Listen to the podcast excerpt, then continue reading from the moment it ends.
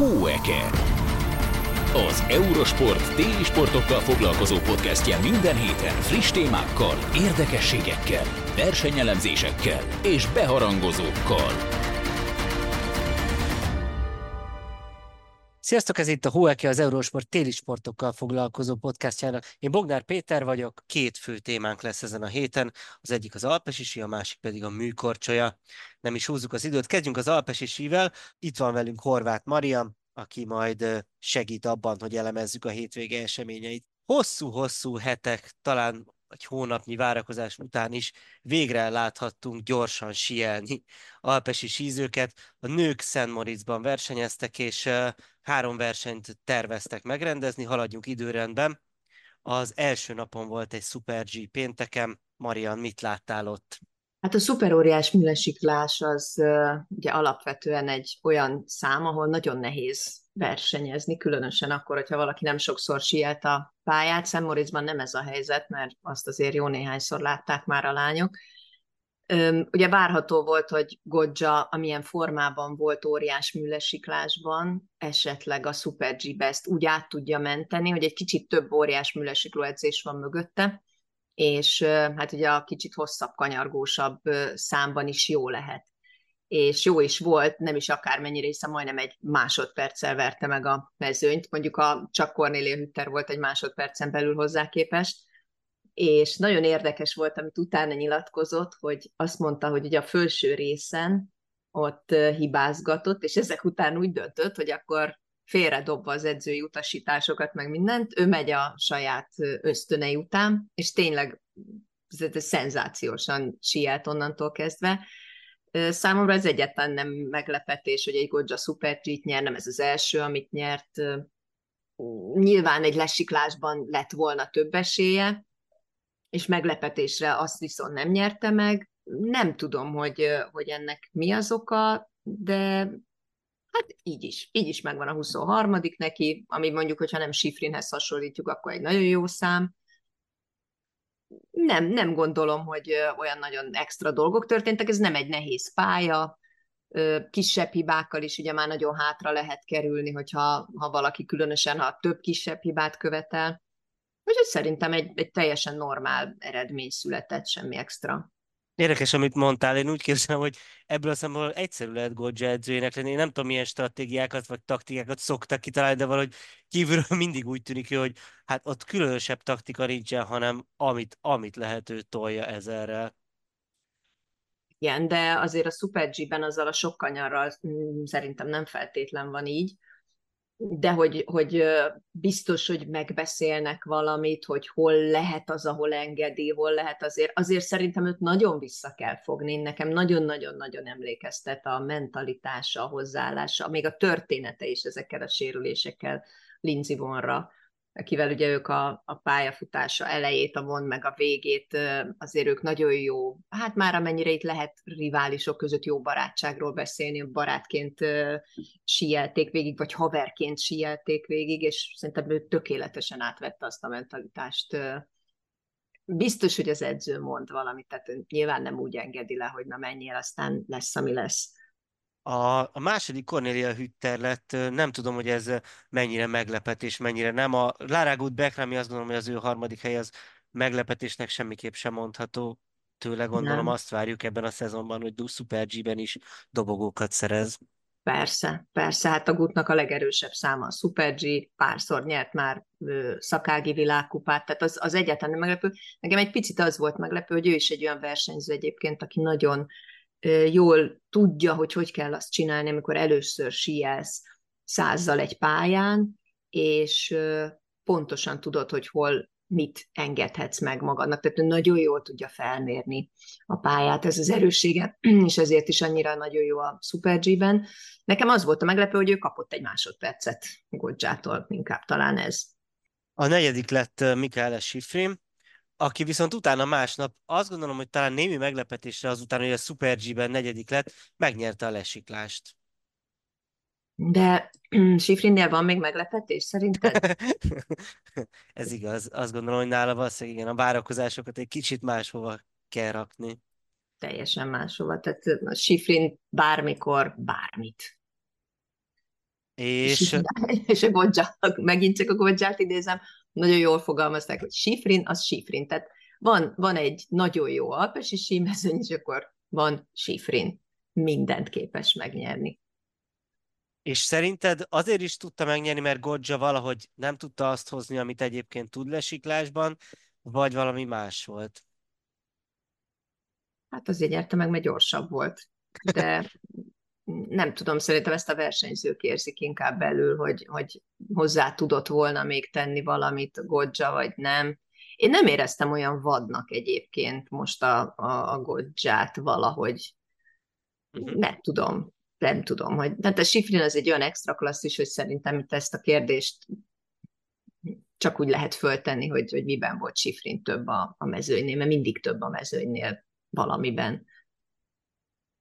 A harmadik Federica Brignol lett, úgyhogy a olaszoknak tulajdonképpen elég jó volt eddig a, a hétvégéje, és hát ha az összetettet nézzük, azt gondolom, hogy hogy így azért végképp aggódhatnak. Ugye Godzsa azzal, hogy most óriás műlesiklásban is elég jó top 10-es helyezéseket szerzett eddig.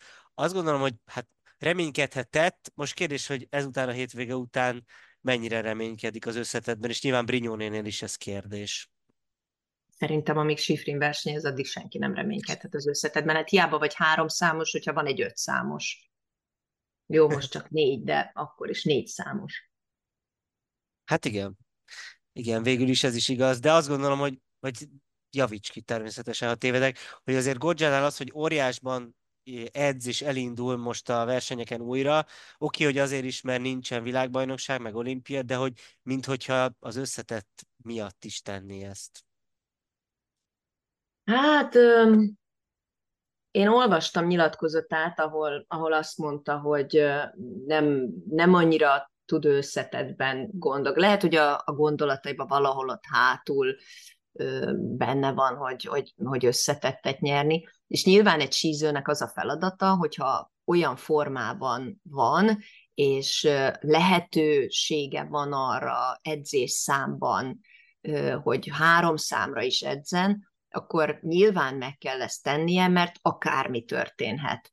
Tehát én most műkorcsolyás példát tudok hozni, ugye nem sokára műkoriról beszélünk, a, ki gondolta volna azt, hogy két évvel ezelőtt, hogy itt olyan emberek tudnak Európa-bajnokságot vagy világbajnokságot nyerni, akik most nyernek, mert nincsenek az oroszok. Tehát bármikor bármi történhet. Oda kell tenned magad minden versenyen, és meglátjuk, hogy mi lesz a vége. Itt mindig arról van szó egy sportolónál, hogy te megtetted a száz százalékot, elindultál minden versenyen, oda tetted magad minden edzésen, mert lehet, hogy 24 ponton fog múlni az, hogy mit tudom én, a Sifrin megsérül, és a Brinyón elviszi előled az összetettet, vagy a Laragút. Tehát a, a és mindenkinek az a dolga, a Brinyóne út Godzsa, aki még odaérhet a Sifrin riválisaként, hogy mindent csináljon meg, aztán mit, mit tudja ő, hogy mi lesz itt még márciusig. Igen, de hát gondolom viszont elég nagy szükségük lenne a minél több gyors számra, amivel ugye eddig nem álltak túl jól, hiszen törölték a Zermatt Cserviniai versenyeket, és hát akkor itt átfordulva a vasárnapra, mm, már szombaton is ugye 32 síző után leállították a versenyt, ugye hát nem tudom, hogy az volt-e benne, hogy 30 után már érvényes az eredmény, és akkor azt mindenképp meg akarták várni, és igazából utána leállították, vagy tényleg utána lett annyival rosszabb a helyzet. Minden esetre már szombaton leállították, 32 versenyző után, és aztán vasárnap pedig nem rendeztek versenyt, mert hogy rosszak voltak az időjárási körülmények, nagyon-nagyon sok hó leesett, és, és egyszerűen nem tudták ezt időben vagy jól eltakarítani, főleg úgy, hogy vasárnap is esett még a hó reggel. Ezzel kapcsolatban egy érdekes hát kérdésem van. Hobbisízőként azt szoktuk mindig tapasztalni, hogy igazából annál nincs is jobb, mint amikor mondjuk leesik jó sok hó, azt ratrakkal szépen lenyomják, és akkor másnap gyönyörű pályákon tudsz menni. Hogy tulajdonképpen mi az, ami különbözik itt a, a profiknál, ami miatt ennyire nem jó nekik az, hogyha, hogyha friss hó esik a pályára, és csak azt rakják, rakolják le? Hát, mert ők nem havon síelnek, hanem jégen síelnek. És a friss hó az hát nyilván sokkal puhább, sokkal jobban elvezeti a lécedet, sokkal kevésbé reagál a léced arra, amit, amit te csinálni akarsz. Nekem csak egy történetem van erről, amikor 2011, 11 talán, vagy 13, már nem tudom, Gármisban volt a világbajnokság, és kimentünk, onnan közvetítettünk. És mi a Gáborral fölmentünk a verseny végén, vagy, vagy az egész VB végén, vagy a gyorszámok végén, már nem tudom, fölmentünk, hogy megnézzük, hogy milyen is föntről a pálya.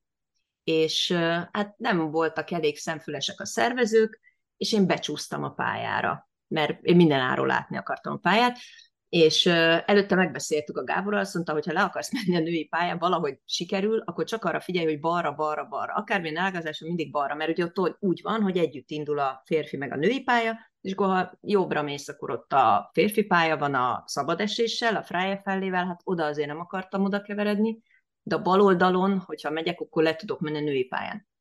Hát mondjuk, tehát ezt a szót sem használnám rá, hogy lementem rajta, leavászkodtam rajta valahol, egy, valahogy egy ilyen 28 perc alatt, vagy fogalmam sincs. Tehát az a tükörjég, ami ott van, azt, azt, azt az, aki a tévén nézi, ezt nem tudja elképzelni, hogy mind síelnek. Tehát no way, hogy meg lehessen rendezni egy versenyt úgy, hogy előtte esett a hó, és ott, ott puha hó van a pályán. Hát a Lindsey Vonn így sérült meg ugye amikor szintén valamelyik világbajnokságon rettenetesen esett a hó, nem baj, indítsuk el. Mit tudom én, egy óra, másfél óra várakozás után hatalmasat esett, és azért, és azért szakadt el a térd, és azért szakadt szét. Tehát nem, nem lehet ilyen körülmények között versenyt rendezni, de szerintem Szerintem ugye volt a férfiaknál is a Christophersen akinek hát ugye jó lett volna, hogyha, hogyha azt a szlalomot meg tudják rendezni, mert meg a szlalom azért más, de, de, de szerintem tehát mindenféle érdekek vannak, ha egy versenyre azt mondják, hogy nem lehet megrendezni, akkor abba bele kell nyugodni, ezt nem lehet megrendezni. Az, hogyha a hó esett és sok hó esett, akkor biztos, hogy nem lehet megrendezni, hogyha azt nem sikerül eltakarítani egy marha hosszú, szuperóriás műlesiklópályáról. Tehát ez nem kérdés. Itt több száz ember dolgozik éjszaka, és én úgy tudom, hogy, hogy éjjel kettőkor még kimentek megnézni, hogy mi a helyzet. Tehát itt nem arról van szó, hogy emberek fűtött szobában ülnek és döntenek valamiről, hanem arról, hogy oda mennek és megnézik. És én hiszem azt, vagy szeretném minni, hogy a legjobb tudásuk szerint, és nem más szempontok alapján döntenek arról, hogy lesz verseny, vagy nem. Uh-huh.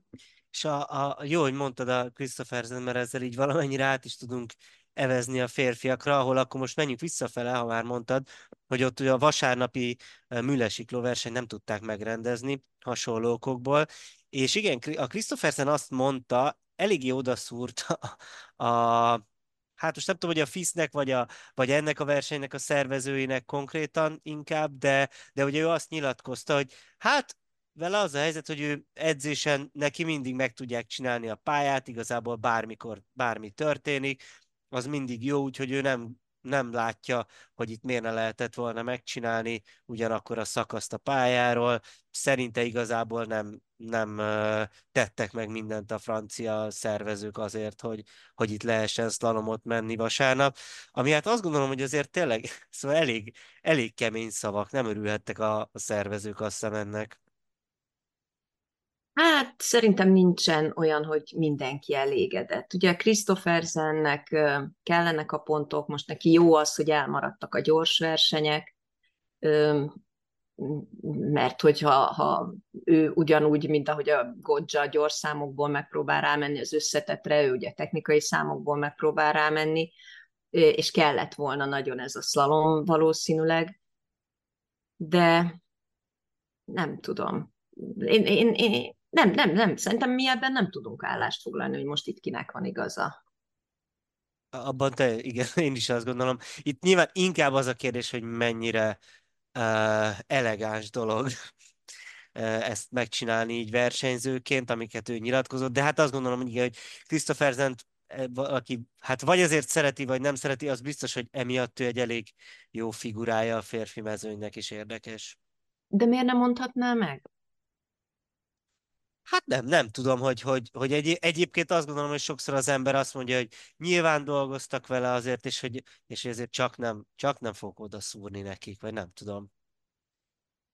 Hmm, nem tudom, szerintem ezeknek a sportágaknak, minden sportágnak szüksége van a, azokra, akik nem simulnak bele a mezőnybe, hanem, hanem másképp fog fel egy pályát, másképp megy, másképp nyilatkozik, nem fogja be a száját, elmondja a véleményét, ez is egy vélemény. Ez is egy vélemény, meg az is egy vélemény, hogy ez nem sértően teszed, hogy úgy több tudom, 300 ember csak lógatta a lábát egész éjjel, ahelyett, hogy pályát csinált volna, akkor szerintem ő, ő nyugodtan gondolhatja úgy, hogy ezt meg lehetett volna rendezni, és, és pont az lenne az érdekes, tudod, hogyha számunkra, kommentátorok számára is, hogyha sokan elmondanák, és alátámasztanák érvekkel, és akkor egy kicsit jobban belelátnánk ezekbe a dolgokba. Mert ha itt lett volna mondjuk 5-10 versenyzői vélemény, és mindegyik alátámasztva érvekkel, abból egy csomó mindent lehet tanulni. Úgyhogy én egyetértek vele, hogy, hogyha valaki elmondja, ami nem tetszik. Hát ugye a Bróten, hát gondolom, hogy nem kismértékben ezért hagyta abba egy pályafutás elején, hogy, hogy, hogy nem lehetsz az, aki, aki egyébként lennél. Nem csak sportoló vagy, ember is vagy, és mint ember van véleményed. Ö, olyan vélemény, amit, amire nagyon sokan kíváncsiak, és, és a sportágadnak is jót teszel azzal, hogyha egy kicsit felkavarod az állóvizet, én így gondolom. És szerinted ez az alpesi síre jellemző, vagy alapvetően a sportokra, vagy csak az van, hogy, hogy egyszerűen kultúra kérdése? Tehát még tudom én, egy amerikai kultúrában sokkal inkább benne van az, hogy mindenki mondja, amit, amit gondol. Nem hiszem, hogy ez nemzetfüggő, szerintem emberfüggő, hogy, hogy megmondják. Ő milyen egyéniség, milyen ember, mennyire tartja magában. Szerintem minden sportban, hát gondolunk egy teniszre, Kyrgios ott van, aki, aki állandóan valamivel felkavarja az állóvizet. Szerintem szüksége, jó, jót tesz a sportnak, érdekesebbé teszi, jobban figyelnek rá, hogyha, hogyha nem csak mindig azt halljuk, hogy, hogy gentlemanek meg lédik vannak a, a pályán. Meg nyilván arról is van szó azért, hogy Christophersen az elég sokat letett az asztalra ahhoz, hogy hogy ő tulajdonképpen jegyet váltson arra, hogy, hogy beszélhet, amit, amit Pontosan. Gondol. Pontosan, pontosan. Hát nekem, tehát annál több nem kell, mint ahogy a világbajnokságot megnyerte. Tehát az, az, az, szerintem én nem tudom, hogy, hogy, hogy az mennyi nézőt szerzett az Alpesi zsínek, de hogy onnan nem lehetett fölkelni, akkor a, a tévé elől az biztos. Igen, és hát nyilván kérdés, hogy ebben a szezonban így akkor mire fog menni. A, egyébként ugye tulajdonképpen, ha úgy nézem, valahol igazságos, hogy most akkor elmaradt egy műlesiklás is, mert így akkor a férfiaknál ott tartunk, hogy, hogy mindegyik számból maradt el verseny, a gyors számokból azért egyelőre sokkal több, meglátjuk, hogy mit lehet abból pótolni. Viszont óriás műlesiklást azt végre tudtak rendezni, és végig is ment, ugye Zöldemben az első futam mot már nem is tudták végig megrendezni, és aztán a második el se indult, úgyhogy, úgyhogy ez volt az első élesben óriás műresikló verseny, és hát tulajdonképpen az eredmény szempontjából a győztes szempontjából egyáltalán nem volt meglepetés, hiszen Márko Odermatt ki a top-top-top favoritja a szezonnak. Azt gondolom, hogy a férfiaknál minden szempontból összetett szempontjából is, meg hát óriás műlesiklásban végképp. Ő megnyerte a versenyt, talán az, ahogy megnyerte, az, az izgalmas lehetett, hiszen Márko Schwarz egy elképesztően jó második futamot ment, és, és jobb is volt Ódermátnál, akinek, akinek folyamatosan csökkent az előnye, amikor jött le, de aztán egyszerűen kicsit, ahogy mondtad, Godzsát a Super G-ben, de úgy tűnt, mintha így a pálya második felén így eldobott volna a kaszát kapát, és onnantól egyszerűen olyan, olyan sebességre kapcsolt, ami, ami valószínűtlennek tűnt, hiszen a Schwarz is a második felét sielte igazán jól a pályának, és aztán, aztán a végén majdnem egy másodpercet rávert az osztrák szóval nagyon úgy tűnik, mintha Odermatt egy kicsit tényleg más liga lenne, mint a többiek most. Hát igen, mondjuk a 91 világkupa győzelem a Sifrintől az elég nagy kihívás, de, de, de ő a férfi mezőny, hát azt mondanám, hogy majdnem Sifrinje. Hát az a kérdés még, hát egyrészt ő ugye műlesiklásban nem megy, meg kérdés, hogy gyors számokban, elsősorban a lesiklásban ott, ott mennyi idő kell neki, mert én azt gondolom, hogy csak idő kérdése, de mennyi idő kell neki, hogy, hogy, hogy nyerjen versenyeket. Mm, igen, meg, meg hogy abban a mezőnyben, hát nem tudom. Nem tudom, hogy ugye Sifrin sokkal korábban kezdett egy gyors számokat menni. Hát meglátjuk, az idő majd megmondja. És most ott van Marko Schwarz, hogy Marko Schwarz, aki egyértelműen szeretne az összetetben kihívója lenni, és, és szép lassan ő viszont egyre inkább tendál a gyors számok felé is, és ez sikerült idénre valahogy úgy csinálni, hogy úgy tűnik, hogy viszont a, a műlesiklás is megy neki, hiszen második lett Gurgölben, és most, most is második helyet szerzett óriásban, uh, úgyhogy itt azt gondolom, hogy elég egyértelmű, hogy nagyon-nagyon sok fog múlni azon, hogy ő, ő a ténylegesen a gyors számokban miket tud hozni, és hogy persze műlesiklásban, ahol Odermát nincsen, ott, ott mennyit tud hát ráverni a svájcira. Nem tudom, hogy te uh, látsz esélyt arra, hogy megszorítsa a svájcit. Szerintem ahhoz még el kell tenni egy kis időnek. Fogalmam sincsen. Azért nem tudom, olyan, olyan január vége környékén lehet, hogy akkor már többet lehet mondani. Nekem Odermat nagyon meggyőző. És ő is egy olyan, olyan, olyan vagány egyénisége ennek a sportnak, hogy persze vagányságtól függetlenül meg lehet szorítani nyilván. Nem tudom, korán van még, tehát nem is azért van, nem, nem időben van korán, mert ugye most már azért december közepén járunk, hanem versenyekben van korán, hogy két verseny volt, tehát az, az nevetséges. De nem, nem, nem tudom, nem tudom. Ennyi alapján szerintem nem lehet mondani még semmit.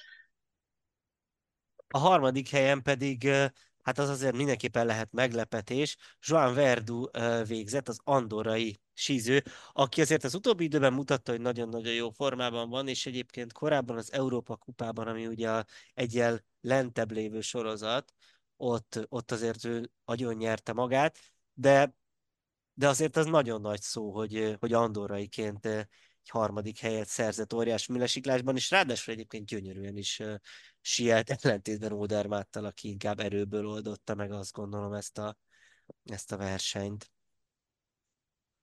A, a továbbiakban pedig, hát ha minden jól megy, akkor most már végre látjuk a férfiakat is a igazán hosszú síléceken, ugyanis ezen a hétvégén, sőt, éppen egyébként a felvételünk pillanatában is versenyt rendeznek Válgárdénában, ott pótolnak egy lesiklást, ez zajlik, ha jól tudom, ma, ez az egyik Zermatti, és, és lesz még, még egy Super G és még egy lesiklás, és utána ugye mennek át a hegy másik oldalára, Altabádiára, és ott pedig jön két óriás műlesiklás.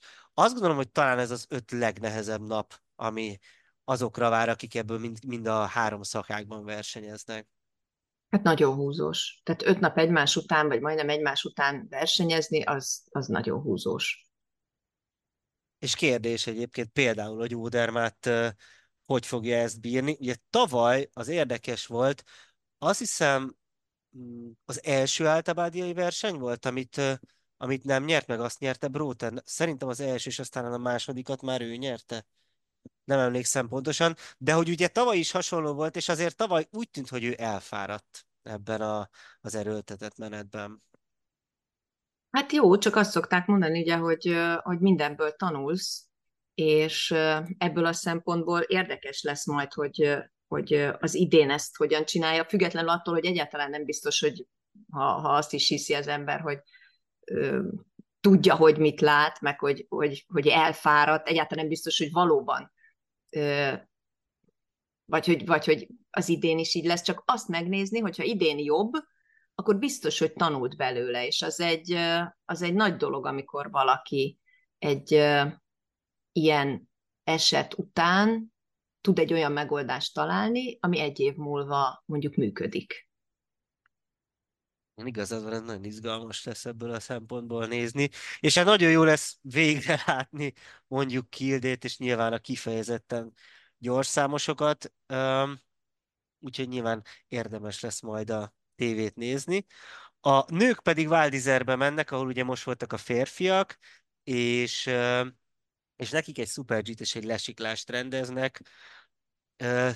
Te mit gondolsz arról a pályáról? Ugye ez egy másik pálya, mint ahol most a férfiak sielték az óriást. Hát igen, de ezt is ismerik már a lányok elég jól. Egy klasszikus pálya, egy nem tudom, nem, nincsen, nincsen olyan, olyan egyértelmű karakterisztikája, ami mit tudom én, a, hogyha Vágárdénán ugye ott az a császlát rész, ami egy ilyen buckas ízés gyakorlatilag. És hát most ugye az is kérdés, hogy egyáltalán lesz-e verseny, mert ma megint elmaradt az edzés, tehát nem tudom. Nem tudom. Ez azért hát nagyon vicces. Nagyon érdekes év. Igen, és nagyon vicces, hogy, hogy az utóbbi években már sokszor ezen hát keseregtünk, meg lehetett aggódni, hogy mi lesz az alpesi sível, mert hogy, hogy nincsen már lassan hó, aztán erre jön ez a szezon. És, és minden szezon más, mert emlékszem, tavaly Cermaton azért maradt el a verseny, mert akkor az olasz részen egyáltalán nem volt hó. Az idén azért maradt el, mert túl sok volt a hó. Nem, nem tudjuk előre, tehát most azt mondjuk, hogy jaj, de jó, az idén sok hó van, ennek ugye a klíma szempontjából örülünk, alpesisi szempontjából kevésbé, mármint hogy a túl nagy mennyiségű hónak, viszont lehet, hogy jövőre meg egy teljesen normális szezon lesz. Tehát ez annyira hullámzó, hogy most, most megmondani, hogy most akkor ez egy tendencia, vagy nem, nem tudom, de, de, de arra viszont tényleg nem emlékszem, hogy ennyi verseny elmaradt volna ö, idény elején. Tehát azt hiszem férfiaknál kilencből hét, vagy valami ilyesmi. Igen, igen, igen, rengeteg. Az rengeteg. Igen. Hát ugye azt mondják, hogy azért nem aggódnak annyira Markus Wagnerék, meg, meg a FIS, mert hogy viszont 13 verseny volt szakáganként tervezve, ami meg azt hiszem kiemelkedően sok, tehát hogy még hogyha nem is tudnak pótolni mindent, ami azért egyre biztosabb, akkor is valószínűleg bőven elég lesz a, a verseny.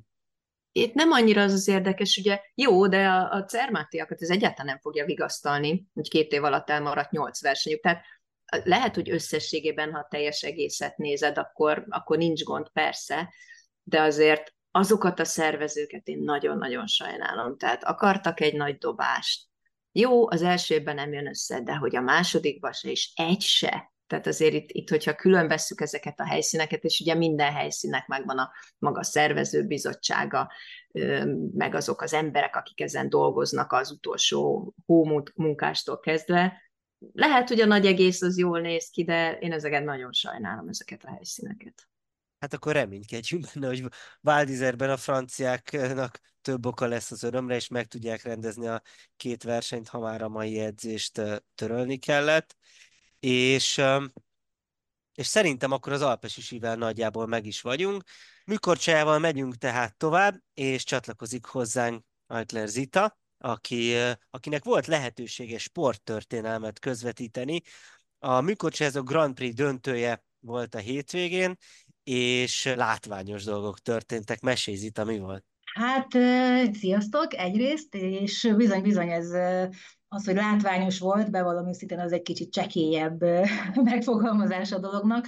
Én az egész férfi rövid program után hát sokáig gondolkodtam, megszedegettem az államot ott a padlóról, ugyanis olyan történt, amire szerintem nem nagyon volt felkészülve senki, én aztán pláne nem, hogy mindig, mindig megnyerem az ilyen, ilyen extrákat, hiszen Ilja Malinyin rövid programban ugrott egy olyan ugrást, ami elvileg tiltott, nem volt még soha rá példa, egyedül a négy fordulatos axelt csak ő tudja egyrészt a világon, tehát az is egy olyan unikum, ami ami szerintem kiemelkedik enyhén szóval is a mezőnyből, viszont ő, ő azzal kezdte a Grand Prix döntőben a rövid programját, és bevallom őszintén, engem teljesen összezavart. Az egész a program végéig egy piros X volt ott a pontoknál, úgyhogy nem is értettem, hogy aztán a végén mégis hogy került ő az élre, tehát tudtam, hogy valami susmus van benne, de, de a legkézenfekvőbb megoldás az nem jutott eszembe bevallom őszintén, mert ugye a rövid programban kell egy szólóugrásnak lennie, egy kombinációnak, meg egy axelnek, ami dupla vagy tripla lehet, de négy fordulatos nem, mert hát eddig nem is volt rá példa, hogy túl sokan ugrották volna, és hát ő úgy húzta meg a váratlant, hogy ugye az első axel után, ami négy fordulatos volt, és szerintem parádésan ugrotta meg, azután ugrott egy kombinációt és egy tripla axelt, tehát ő a szóló négy ugra, szólógrás helyett ugrotta ezt a quadraxelt, amire hát nem csak erre nem volt példa, hanem, hanem arra sem, hogy ilyet bárki valaha eddig a világon megtett volna. És akkor ezután jött a kűr, ahol pedig érdekes módon, hát ő elesett, és ennek ellenére elég jó pontszámokat kapott. Ez hogy lehet? Én azt gondolom, hogy ha valaki elesik egy, egy kűr során, akkor az annak onnantól eleve lőttek. Hát ő ugye ebben a négyfordulatos Axelben esett utána a kürben, meg előtte mesélte is a, a sajtótájékoztatón a rövid után, hogy ő ezt, a, ezt tulajdonképpen meglepetésnek szánta, és történelmet is akart írni, és nagyon sokat gondolkodtak, hogy hogyan lehet bele csempészni tulajdonképpen a, a négyfordulatos Axelt, viszont hát az nem volt sehol a szabályok között leírva, hogy szólóugrásként nem lehet négyfordulatos Axelt ugrani, úgyhogy így játszották ki a szabályokat, de tényleg mentségemre szól az, hogy, hogy az egész bírói testület testület egészen, amíg le nem vonultak, addig ugyanúgy ott hagyták a, a piros X-et, mint egy érvénytelen elemet. Még a nőknél is emlékszem, úgy emlékszem talán, hogy Mao Asada miatt változtatták meg azt a szabályt, hogy most már ott náluk is az elején nem lehetett csak dupla ugrani, és most már lehet tripla is, de hát ehhez kellett valaki, aki miatt ezt megváltoztatták.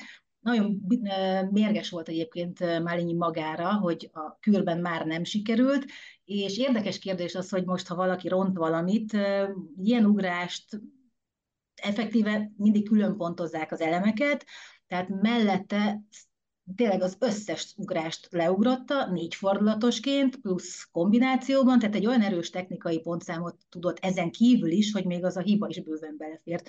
Én azt gondolom, hogy ott a második pontszám az, amivel lehet vitatkozni, ez a most már csak három komponenses történet, ő egy kicsit másabb fogalmazunk így, stílusban korcsolyázik, mint mondjuk Soma Uno. Nekem egy kicsit a régebbi Yuzuru és Nathan Chen csatázásra emlékeztet, hogy az egyik az baromi jól ugrott, viszont a második pontszám, ez a művészi hatás, az előadásmód, az egy kicsit másabb, ilyen atletikusabb oldal volt, és, és nekem ugyanez jön le most, hogy Uno tényleg egy, egy csoda a jégen, és, és elveszel benne, Málinyin pedig hát egy teljesen más jellegű korcsolyázó. Én azt gondolom, hogy meg kéne találnia azt a, azt a, azt a koreográfust, vagy akivel úgy tud együtt dolgozni, hogy kihozzák belőle. Tehát ennél belőle sokkal többet ki lehetne hozni, nem csak az ugrásokra koncentrál. A nőknél mi történt? Arról is meséltem. Hát a nőknél szerintem semmilyen meglepő dolog nem történt, ahogy az várható volt. Kaori Sakamoto nyerte a versenyt, ő Ugye a lányoknál ez a, mióta nincsenek oroszok, azóta nincsen ez az ugrásverseny, hanem hozzátéve, hogy egyébként a, a, az oroszok nem, nem malinyin típus, tehát önálluk a második pontszám is nagyon magas, de hát akkor is ők azok, akik törők ezekben az ugrásokban. A lányoknál nincs ilyen, megpróbálnak egy-egy tripla axelt, aztán hol sikerül, hol nem. Sakamotónak ez az érett szép, és most éppen teljesen hibátlan korcsolyázása, ez hozott vagy nem tudom, 20 pont előnyt a, az összesítésben rövid és kürben együtt, ami teljesen egyértelmű. Ami meglepő, az az, hogy ugye két belga volt a, a mezőnyben, ők voltak összesen európaiak, és Pinzarone ott tudott végezni, majdnem bronzérmeset, ott tudott végezni végül is a, a negyedik helyen, tehát ez egy óriási dolog, hogy Belgiumnak van két korcsolyázója, aki Grand Prix döntőben ott van, holott pár évvel ezelőtt arról beszéltünk, hogy még egy sincsen, és aztán jött Luna Henriks, akinek persze nagyon sokat számított az, hogy nincsenek oroszok, és így, így Európa első számú esélyese, most független attól, hogy végül is tavaly nem lett Európa bajnok, de idén még lehet. Tehát a lányoknál van egy ilyen, ilyen szakamoto fölény egyelőre, én azt gondolom, hogy most politika ide, meg politika oda, az oroszok rettenetesen hiányoznak. De ez Sakamotónak a, a teljesítményéből semmit nem volt tényleg egy élmény nézni. És a párosban ott pedig voltak magyarok is, akiknek drukkolhattunk. Így van, és hát ők is azért sporttörténelmet írtak, hiszen soha nem esett az meg, hogy eleve Grand Prix versenyen, tehát egy-egy állomáson érmet szereztek volna magyar páros versenyzők, és ez idén kétszer is létrejött, hiszen Mária Pavlova és Alexei Szjacsenko, akik végül hát egy kis szerencsével, de eljutottak a Grand Prix döntőre, ők érmesek tudtak lenni az egyéni Grand Prix versenyeken, állomásokon is, és egy lemondás miatt a németek lesérültek, úgyhogy ők voltak az első várakozók tulajdonképpen, és így tudtak aztán eljutni. Életük legjobbját futották a rövid programban, és érdekes volt látni, hogy a kürben szerintem mindenkit nagyon nyomott egy kicsit a tét. Tehát, hogy olyanok is rontottak, akiktől ezt úgy nem nagyon szoktuk meg, Máriáék is egy kicsit én úgy gondolom, hogy halványabban teljesítettek, de egy szenzációs negyedik helyre volt elég, és én úgy gondolom, hogy maximálisan kihozták a lehető legtöbbet abból, ami, ami adott volt, hiszen tényleg hetedikként jutottak el a Grand Prix döntőre, a hat, hat fős Grand Prix döntőre, és ott lettek negyedikek, úgyhogy tényleg nem, nem nagyon vannak erre szavak, és azt sem szabad én szerintem elfelejteni, hogy egy ilyen Grand Prix döntő azért előre mutatóan, akár a VB-re, vagy az EB-re, a helyosztók tekintetében jelzésértékű. Az gyorsan szerintem biztosan biztos azért mondjuk el, hogy, hogy miért, miért van az, hogy várakozik valaki, mert mi a, kik vannak ott a Grand Prix döntőn. Hát ugye hat, hat állomás van, hogy október közepétől minden hétvégén, ezek hagyományosan megvannak a helyszínek, néha azért ez borul, és a hat versenyen ugye 12 fő kap egyéniben meghívást, és 10 a párosoknál, meg a táncosoknál, és az első az 15 pontot kap, 13, 11, és megyünk lefelé, és kettő versenyre hívják meg a versenyzőket, és a legjobb hat, aki a legtöbb pontot gyűjtötte az egész hat verseny alatt, az jut el a Grand Prix döntőre.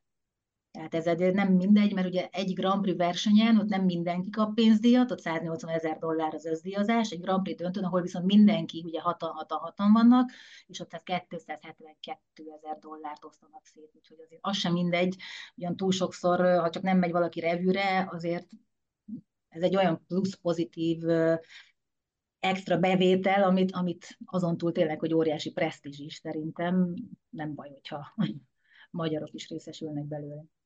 És még egy kicsit visszatérve a, a Malinyinre, hogy nem tudom, hogy lehet-e mm, ilyenről gondolkodni, de hogy a tapasztalatotok, tapasztalatotok alapján, amikor valaki egy ilyen új mérföldkövet rak le, akkor az körülbelül mennyi idő szokott lenni, amíg hogy a mezőnyere reagál? Tehát most nem tudom, egy hónap múlva már mindenki quadráxelt fog ugrani, vagy inkább három év múlva? 13. Igen? Ennyire?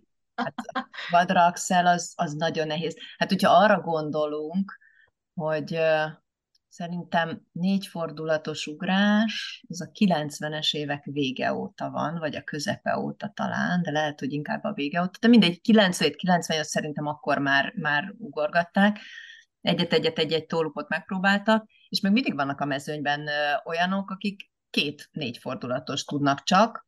Vannak olyanok is, akik egyet sem tudnak biztosan, és nagyon jó korcsolyázók. Szerintem most, most, hogyha arról beszélünk, hogy lesz még két ember, aki a következő öt évben megcsinálja, az lehet, de szerintem ez, ez én nem hiszem, hogy ez itt két-három év kérdése, hogy itt a, a mezőnyben ez, ez általános legyen.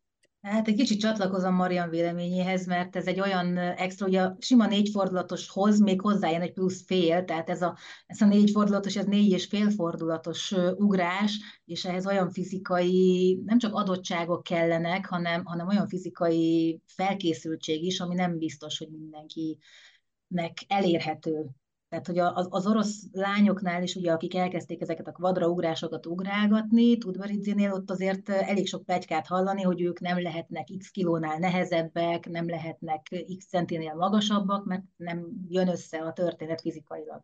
Tehát, hogy ez, ez valahol ugyanígy Malinyinnál is ott van, és nagyon sokat kritizálják, hogy később majd mekkora problémája lesz abból, hogy most ilyen terhelésnek veszi, vagy veti alá a testét, meg a szervezetét, a csípő, meg a többi.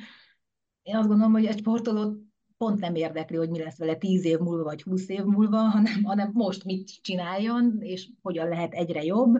Neki ez az út adódott, és azt gondolom, hogy örülök legalábbis én, hogy elindult ezen. Az más kérdés, hogy, hogy hányan fogják követni, nem nagyon látom azt, hogy tömegek lesznek, de biztos vagyok benne, hogy, hogy, hogy egy pár ember meg fogja próbálni, hiszen ha egy embernek sikerült, egy másiknak meg ugye hányanak majdnem, akkor, akkor benne van, hogy más is odaérhet, és azért, azért az nem mindegy, hogy hányadszorra lépsz be egy olyan klubba, amiben mondjuk a tizen benne lesznek úgy unblock a világon, az már, az már szerintem baromi sok, akik megugrottak egy quadraxelt. Ezt érintett az előbb, de akkor így rá is kérdeznék, hogy mert hogy milyen, szerintetek milyen tulajdonságok, adottságok vagy edzettség kell, ahhoz gondolom, az például nem árt, hogy minél magasabbra tudjon valaki ugrani. Hát szerintem nem csak adottság, mert azért sokféle adottságú korcsolyázót látunk, hanem én azt gondolom, hogy ahhoz, hogy egy négy fordulatos axelt megugorjál, én el tudom képzelni, hogy egy más technikával kell nekivágnod az axel ugrás tanulásának. Tehát amíg 20 évvel ezelőtt az volt a cél, hogy amikor a versenyző majd felnőtt lesz, akkor stabilan tudja ugrani a triple axelt, elkezdték egyfajta technikával tanítani. Én nem vagyok abban teljesen biztos, de nem vagyok szakember, és én csak gondolom, hogy nem biztos, hogy aki elkezdte azzal a technikával tanulni, hogy triple axel, az el tud jutni a kvadráig. Tehát a Malinyin ugye 19 éves, a Soma Uno 25-6. Tehát ő, sokkal, ő egy generációval korábban kezdte ezt el tanulni, és én például nem gondolom, hogy, hogy olyan nagyon könnyű átállni arra, hogy most nem a triple axel a határ, hanem a kvadra. Tehát én azt hiszem, hogy, hogy, hogy aki most elkezd triple axel, vagy axel tanulni, és a négy fordulatos axel a céladnak egy más technikát kell. Én azt gondolom, egy kicsit, ha nem is nagyon, de egy kicsit biztos, és az a, lehet az, hogy a kicsi jelenti a plusz egy fordulatot. Akkor ezek szerint lehet, hogy magát a sportot is forradalmasította Malinyin ezzel az egyugrással. Mint ahogy minden, aki az első kvadrát ugrotta, aki az első triplaxelt ugrotta, aki az első kvadraxelt ugrotta, aki az első ötfordulatost fogja ugrani. Fogja? Hát mit tudom én. Hát, hát minden, ezek után mindent el lehet képzelni. Ez, ezek után én is mondom, hogy időkérdése, és biztos, hogy lesz rá próbálkozó. Aztán, hogy megugorják-e, azt nem tudom, erre arra emlékszem, hogy ugye, mikor Malinyinről készülte, vagy Malinyinből készültem, például az édesapja, mikor kezdett tanulni, már akkor, tehát egy korcsolyázott és szimplákat ugrott, akkor fogócskáztat vele a jégen, üldözte körbe-körbe, hogy minél nagyobb sebességet szokjon meg, és abból tudjon elugrani, tehát ők már, ugye a szülei neki korcsolyázók voltak, tehát hogy effektív ők már szerintem akkor készültek arra, hogy, hogy, hogy ebből az ugrás témából egy kicsit extrát hozzanak ki. És pont ezt így le is nyilatkozták, hogy, hogy ez volt a cél, tehát az is egy összetevő, hogy mennyire gyorsan mész bele egy ugrásba. Tehát, hogy így tényleg, én sem vagyok szakember, de, de elképesztő, mi lehet a háttérben. Egy, egy, egy, nem csak egy szólóugrásnak, egy szimpla tripla bárminek, hanem nem egy, egy ilyen történelmi dolognak, amit, amit nem, tényleg nem tudom elképzelni, hogy mikor lesz a következő olyan valaki, aki ilyen tisztán, mint mondjuk Málinyin a rövid program. Hát akkor ez izgalmas lesz, már csak ezért is nézni a továbbiakat műkorcsolyában. Most ugye egy szünet következik, majd januárban jön az Európa-bajnokság, aztán a világbajnokság is. Van-e esetleg valami, ami bennetek ragadta a műkorcsolya kapcsán? Van, van, van, Na. van.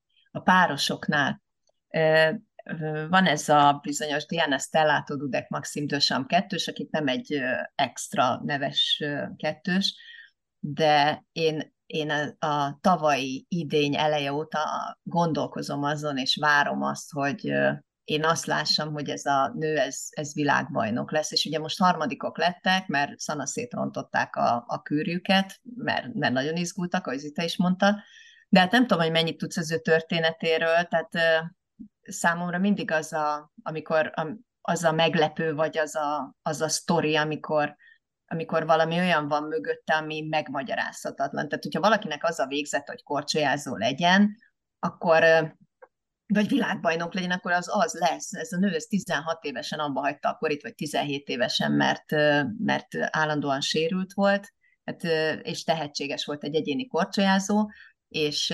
16-17 év múlva visszatért az edzőjéhez, és azt mondta, hogy ő szeretne újra korizni, és akkor mondta az edzője, hogy akkor próbáljuk meg a párost, és most itt van, ugye nincsenek oroszok, tehát ez egy, ez egy nagyon jó szituáció, alig kaptak ki, a, alig lettek itt harmadikok, és ahogy Zita is mondta, hogy ez egy nagyon jó indikáció a világbajnokságra, hogy majd ott esetleg mi lehet, és hogyha ő most így, hogy neki a legszebb álmai kellős közepén ezt abba kellett hagynia, elment a koritól távol, majdnem 20 év kimaradt, és 40 évesen nem is lehet, hogy több lesz már, megnyeri a világbajnokságot, az, az valami nagyon nagy sztori. Azt szerintem a, a Szávcsenkóék óta a legnagyobb sztori, aki ugye egy új párral, nem azzal a Szolkovival, akivel nagyon sokáig korcsolyázott együtt, és olimpiai bajnok tudott lenni, mert, mert még négy évig folytatta, és mindenki hülyének nézte, hogy most már ennyi idősen még hova, és sikerült neki, tehát nekem ez, ez az év sztoria lenne, hogyha ez nekik összejönne. A dobogó is persze, de az igazi nagy dobás az a világbajnoki cím lenne. Akkor megint tudsz írni egy jó kis cikket róla. Tavcsenkoékról. Tervezem. Ez akkor így egy elég jó felvezető is volt egyben, most egy kicsit még várni kell, de majd lehet, hogy visszajátszok ugyanezt a beszélgetést a világbajnokság előtt. És hogy felvezessük az előttünk álló hétvégét, rengeteg műsor lesz az Eurósporton, ami téli sporttal kapcsolatos, gyakorlatilag műkorcsolyán és körlingen kívül minden. Az északi összetettesek Ramszauba mennek, Alpesi sí lesz, amiről már volt szó Válgárdénában, Váldizerben, aztán Áltabádián. A biatlonosok Lenzerheidébe mennek, a síugrók Engelbertbe, lesz snowboard, és lesz sífutás is. És a jövő heti Hoalkében pedig, hogy egy kis tízer is legyen, fel fogjuk vezetni majd a síugró négy versenyt, és lesz szó a sífutóknál a Tour de Ski-ről, azt is egy kicsit beharangozzuk. Én megköszönöm Zitának és Mariannak, hogy segítettek a mai adásban, és nektek pedig azt, hogy meghallgattátok. Sziasztok!